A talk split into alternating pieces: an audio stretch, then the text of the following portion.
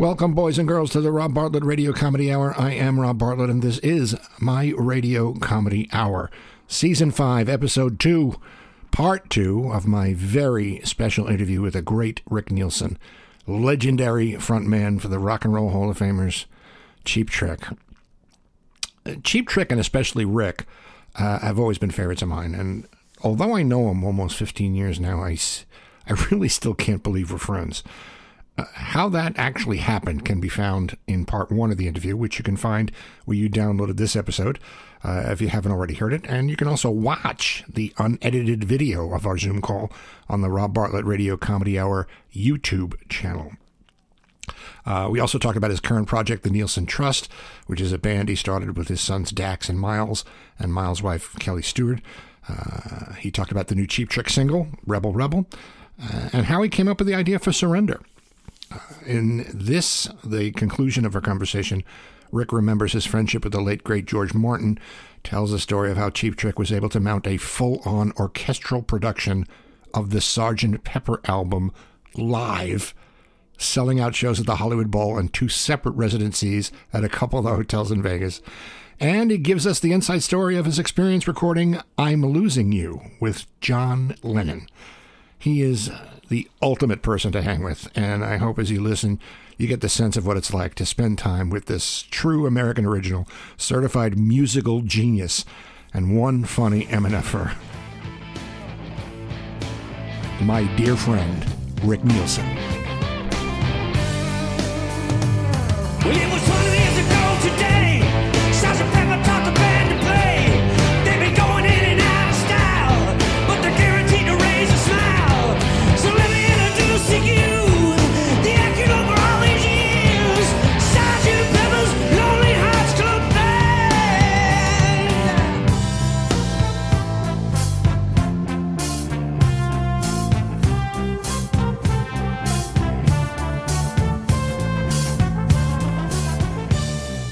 Pepper project always interested me because Geoff Emerick, who is the engineer um, for uh, for the Beatles uh, at Abbey Road, he always claimed that that was an album that you could never do live. Yeah. And, um, Too difficult. right, but you did it. Not only did you do it, you did it many, many, many times with with many guests. Um, when I saw you do it in Florida, Donovan uh, was on the bill. Before that, we had um, uh, the people from the Hollywood Bowl Philharmonic had come to see us. I think we were playing at the at the Wiltern in L.A. and they said that the 40th anniversary of Sergeant Pepper's was coming coming up, and they were looking for a band that could play that stuff. And it's you know, they knew about working with John Lennon. They knew about the tracks that we had done, you know, Day Tripper and whatever. And um, they came to see us and said, you know, they said, "Wow, you guys can do it," you know, you know, because we've we'd always done covers, you know, once in a while. And, uh, and I said, look, you know, all of us know the music from listening to it. We never played any of it, but Robin has the kind of voice where he could do it. He's got the range. He's talented enough to do it. But we then we had to rehearse. And each guy rehearsed on their own before we even got together. So you know, Tom learned all the bass parts you know, because we were going to have to be playing with an orchestra. So we had to, you know, kind of organize. Backtrack a bit before we did it. I went to uh, George Martin's house. I got invited for lunch out at his his country home, and George George and Judy cooked for us. We'd known him from from kind of way back. Well, didn't he produce All Shook Up, right? He produced All Shook Up, and we recorded in Montserrat. Giles, we knew Giles when he was like a little kid. So when we went to his house and I got George's blessing, besides a nice meal, the conductor's score, all that stuff, got from him, and he he signed it uh, two or three times, and we got his blessing. And uh, when I was there, I you know go to use the bathroom, and while I was taking a whiz, there's Sergeant Pepper's and Cheap Trick next to it. Ah, I said he probably put it up just that day, but cool as that. Place of honor above the toilet, right next to Sergeant Pepper. Yeah, I hope I didn't spray on there, but uh, but um, yeah, it was, that was fantastic. And then uh, after we uh, whatever passed the audition, because you can't go up and jam a Beatles album. no, no, no, no.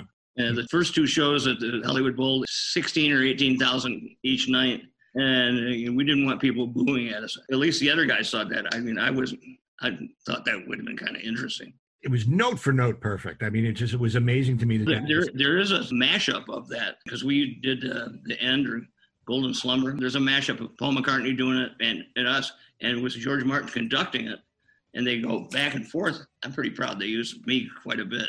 Phil Collins is playing drums and Bunny's on there, and um, and when Robin's voice, I mean, he he's battling with Paul McCartney the whole time. It's like they were both they both did great.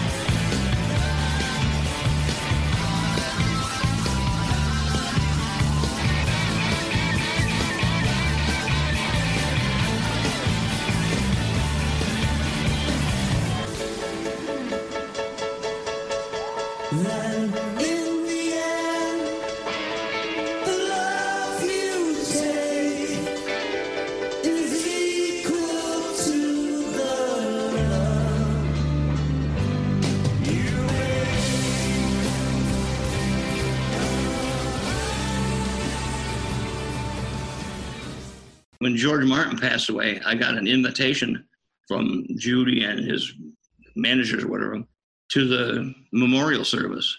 So Karen and I flew over to England. The invitation was an F because I think it was family, and we were in the third row behind Yoko and Julian and Sean, and behind me was the guys in Genesis and Pink Floyd and Elvis Costello. It was like it was kind of funny. It's like so as we filed out after the thing, I stopped and talked with Yoko and Sean and Julian. Then some guy came over to me, walked down the aisle. Hello, Rick. I said, Hello, Paul. Pretty cool. You know, the guitar that he, the left-handed Les Paul that he plays, was mine at one point, and sold that to him. Uh, I don't know what year it was, but uh, he still owes me money for that thing. well, he's having a hard time, Rick. He's got Yeah, I know. He's trying to make ends meet. he's scrimping and saving. He's a he's a senior citizen. So So then, then, then Judy, George's wife, came up to me because because before this, a couple of years before, George was going around the United States, uh, the making of Sergeant Pepper's, you know, giving a speech, and he's about as he was more deaf than I am. We were in Chicago, and uh, and they asked me to be his interpreter. When you know, it's like. Well, George, it's this. So I, I got to do that too with George. cool. I forgot to ask him any questions. What's the heck? Every time I go to a show, see backstage, whatever, whenever I leave, I always think, damn, I wanted to ask him that question. I'd always forget it. Where'd you get those shoes?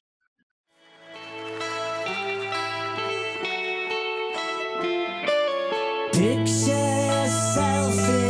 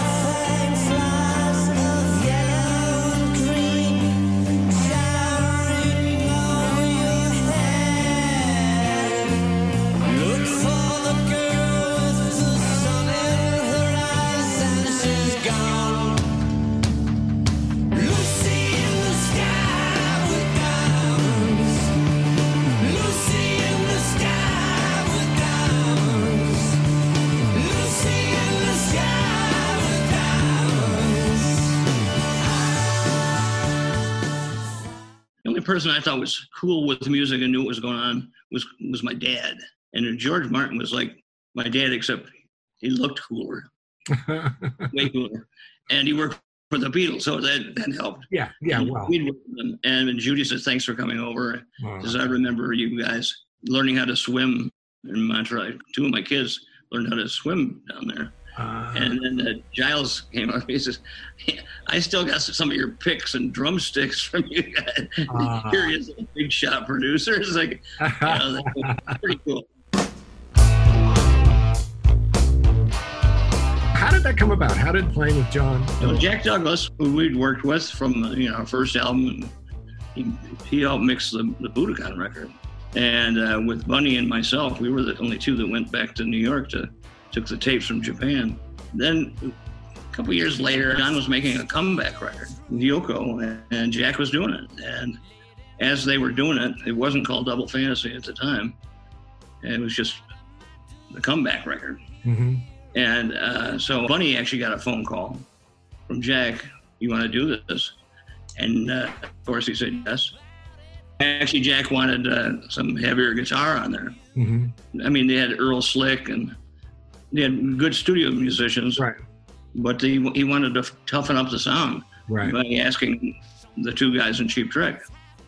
And so we we got the call, and it was a big secret. And we were in Montreal the night before. I got a call at five in the morning. Rick, you just had another, you had your third child at that time, and it was, it was Dax. It was August twelfth, 1980. So Dax has never forgiven me. You know, I turned down meeting Dax. Instead, I met John Lennon. What a you know, good trade off. So uh, that was it. And we went in and flew from Montreal, Bunny and I did, because we were going to Japan like the two days after that. I walked in the studio, I was set up. I had a couple Les Pauls and a, a Fender Esquire or Telecaster string bender, which is kind of rare. And uh, we got set up, and all of a sudden, John and Yoko walk in. And John gets pulls in the studios. He looked at me and says, "It's you! It's you!" Like, yeah, yeah, it's me. And I, my joke is, I think he thought it was going to be Ricky Nelson there. Ricky is quite good looking, so I wouldn't mind you know, being compared to him. But Right, but he doesn't play guitar nearly as well. I don't know. I haven't worked with him lately. So that was that, and um, we talked. We talked about guitars and stuff, and and, I, and as a matter of fact, I loaned him my string bender because he said I'd never he'd never seen one, Wow. And I, I uh, he had a Veleno there, and he had a uh, Rickenbacker that he used at uh, at Shea Stadium, and still had the the set list taped to the side of the guitar. And I thought, yeah, this is the man. yeah, you know, you know, me being a guitar geek, it uh, was like pretty cool. But I talked to him about going guitar shopping. John, you know, you shouldn't be playing that Veleno. Marc Bolan, yeah, maybe. You, no. And, you know, he kind of agreed or whatever, probably just to shut me up. You know, most people would go to whatever you say, John, whatever. Oh, yes, oh, that's how you deal with people.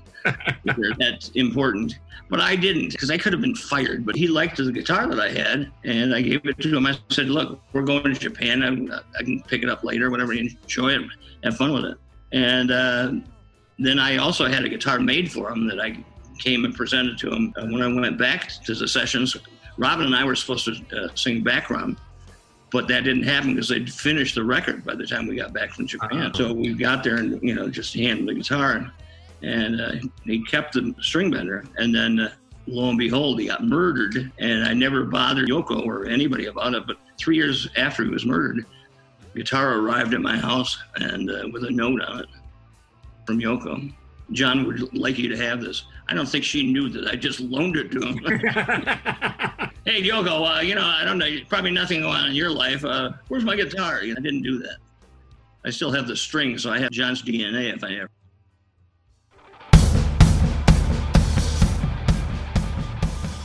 We did. We got asked to do a a special birthday party for um, the head of Sirius Radio, president. Small club in New York.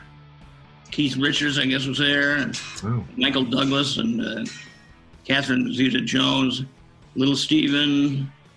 It was all kind of the, the people that uh, that I kind of look up to. Here we were, we're playing on a little tiny stage, and we did Rebel Rebel. He picked a set of stuff he wanted, us to play. After that, they asked if we would uh, record it for Sirius Radio. Oh, okay. So we went and do it, and Jack Douglas got. We, we actually did it in L.A. And we recorded it at uh, Johnny Depp's studio. Oh. We also did something else there. Now, this was before the quarantine, right? I mean, this is before. Oh yeah, way before. So we did it, and you know, the fact of getting Jack back to do work with us, it's like Yeah. you know, you don't see each other for a while. It's, it's like falling off the log, you know, or learning how to ride a bike.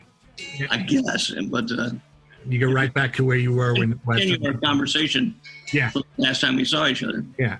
and it was fantastic. It's like we just did our own version. We you know we just played kind of the sloppy way that Cheap Trick does, and it's like we we're big fans of David Bowie. We met David, and, and then it came out, and now you're talking about it.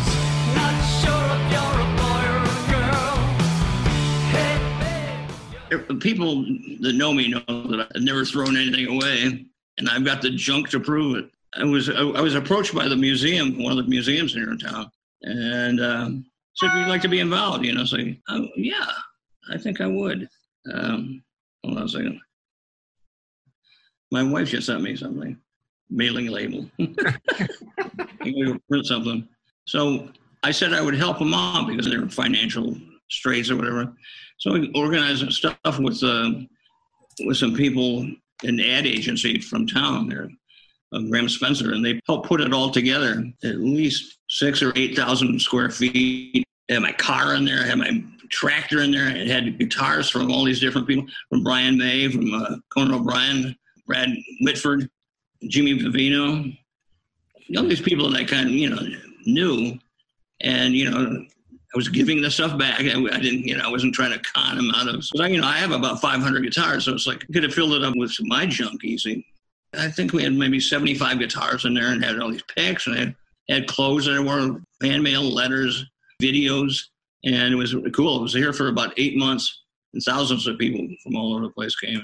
I knew he had stuff, or I knew he had junk, but I didn't know any of this was junk. But it was all like Yeah. really cool stuff. I mean, it. Oh yeah, the stuff that I like.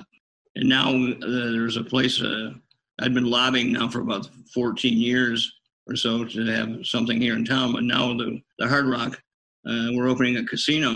But then the pandemic happened, so I, I Right. what's going on? But uh, so they're coming here, and uh, we already did all the stuff. I did all the stuff. One of the coolest things that's going to be for that is they have about a 70 foot tall Gibson Explorer checkerboard out front. It was the Les Paul that they put at every other place. The Cool. coolest thing on earth for me. That's amazing. Yeah, and uh, some five neck guitar chandelier kind of stuff, and it's gonna be wild. It's kind of a tribute to to whatever to some of me and the whole area. I mean, it, it would be difficult because you know I don't need another job, so it's like Right. not I want to do stuff, but I, I the fact of uh, having my family involved and also having uh, you know, thousands of jobs and stuff for people. Child, child, where you wanna go? What can I I'll just mention this before we leave because you, you were in the shirt. You have one of the top 10 best pizzas in America at your joint in Chicago, aptly named Piece, which is the coolest, cleverest name for a pizzeria and logo that I've ever seen in my life. You're a true Renaissance man. I mean, you do everything. I'm going to have you mention that again. What about Piece? Piece has one of the top 10 pizzas in America Thirty-nine thousand. out of 39,000. 10, number 10. I, I would go to Chicago just for that. And it's not even a Chicago pie. It's like regular New York style pizza. Well, Piece is like thin crust pizza in a thick crust town. You're somebody who just can't play by the rules. Obviously, that has something to do with it. But number 10, man, that, that's that's pretty cool, I got to say. Friend of mine, ex-fireman, uh, drove in Chicago and picked up a pizza for him. Hey, thanks so much, Rick, for doing this. I really All right. appreciate it, even though it took uh, a couple stabs for us to finish. It's taken three hours to do 30 minutes. I hate when technology doesn't work, and I kind of like when it does. For those of you who haven't yet checked it out, ricknielsen.com is a great website. Some great stories, great videos. Uh, you can ask Rick a question. one more thing I'm going to ask you to do. The logo for Piece. The single greatest logo for any restaurant ever is the logo for Piece. Clever, smart, and really funny. It's a pizza with a slice missing, and it's also a peace sign. It's genius. It's genius. But what would you expect coming from Rick Nielsen? All right, thanks. I'm going to send that to him. Please do. Thanks so much, man. I really appreciate it. And uh, I'll, I'll talk to you soon. Give my love to everybody. Okay, bye bye. All right, Rick. Bye bye. And go away. one of my favorite people in the whole wide world and couldn't be a kinder more down to earth guy. Stupid talented and yet still a true family man. Married for 50 years four grown kids a whole bunch of grandkids. Just a great great man. I'm very blessed to be able to call him a friend. Sorry about some of the audio quality boys and girls. That's what happens when you zoom with an internet provider that's one rung up from a 2600 baud aol modem also, I do apologize for the moments when I was just a bubbly, overjoyed fanboy. I try to stay cool, but I can't help myself. That's just how much I love these guys, and especially Rick. If you've never seen Cheap Trick Live, I urge you to do so. You won't be the same afterwards. And that's not an exaggeration. The world will seem like a better place. You'll be happy and hopeful and healed by the mighty power of rock. Warning, it won't be the last time you see them. They're so good on stage. It's it's like crack. If you like this video, you can subscribe to the Rob Bartlett Radio Comedy YouTube channel, as well as the Rob Bartlett Radio Comedy Hour podcast, robioradio.libsyn.com, or Apple Podcasts or Stitcher or wherever you get your podcasts. Check out our Twitter feed at the Robio, our Instagram, Robio007. Drop us a line at Robio Radio Comedy Hour at gmail.com. Love to hear from you. Thanks to Rick Nielsen for the pleasure of his company and some of the greatest music of the past 40 some odd years, and for keeping the dials at 11 and the energy level on max. To Karen Nielsen for sparing her hubby for a couple hours when he was supposed to be mailing stuff. And very special thanks to the amazing Carla Dragati, Cheap Tricks Tour and Road Manager, and Keeper of the Keys for all her help in arranging the details for the interview. And of course, Robin Zander, Tom Petersson, Bunny Carlos, and Dax Nielsen for some of the greatest shows. Dax Nielsen, eh, an amazing drummer. Uh, they should nickname him Lint because he's he's always in the pocket. Stick around for some bonus content after the credits. Believe me, it's worth the wait. Our program produced by Gary Grant and me, Rob Bartlett, written by me, Rob Bartlett. The Rob Bartlett Radio Comedy Hour theme song, music and lyrics by Gary Grant, recorded and performed by Steve Mecca. All stunts performed by me, Rob Bartlett. Mr. Bartlett's wardrobe provided by Botany 500. Our show was taped in Cleveland, except for the parts not taped in Cleveland, and was performed live in front of a non existent studio audience. All characters portrayed, including that of Rob Bartlett, are fictitious. No identification with or similarity to actual persons living or dead, including Mr. Bartlett, is intended. No animals were harmed in the recording of this podcast. We'll see you again on the next Rob Bartlett Radio Comedy Hour. Until then, boys and girls, be safe, stay healthy, wear your mask, and be good to each other. Won't ya? Thank you very much. We're Cheap Trick. Good night.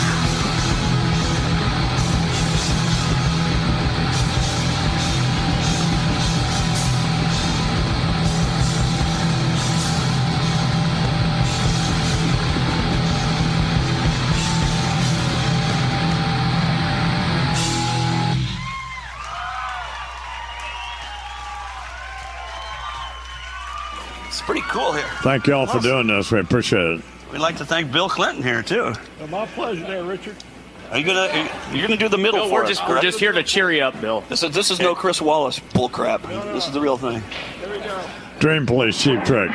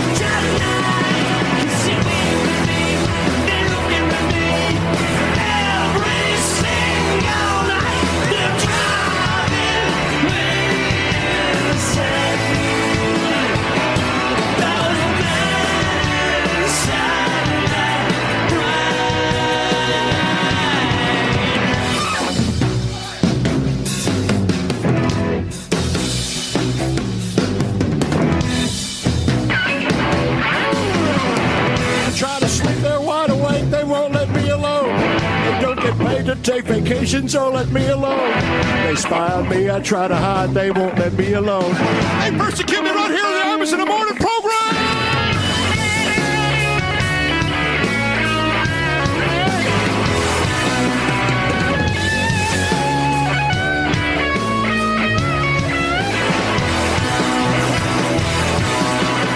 you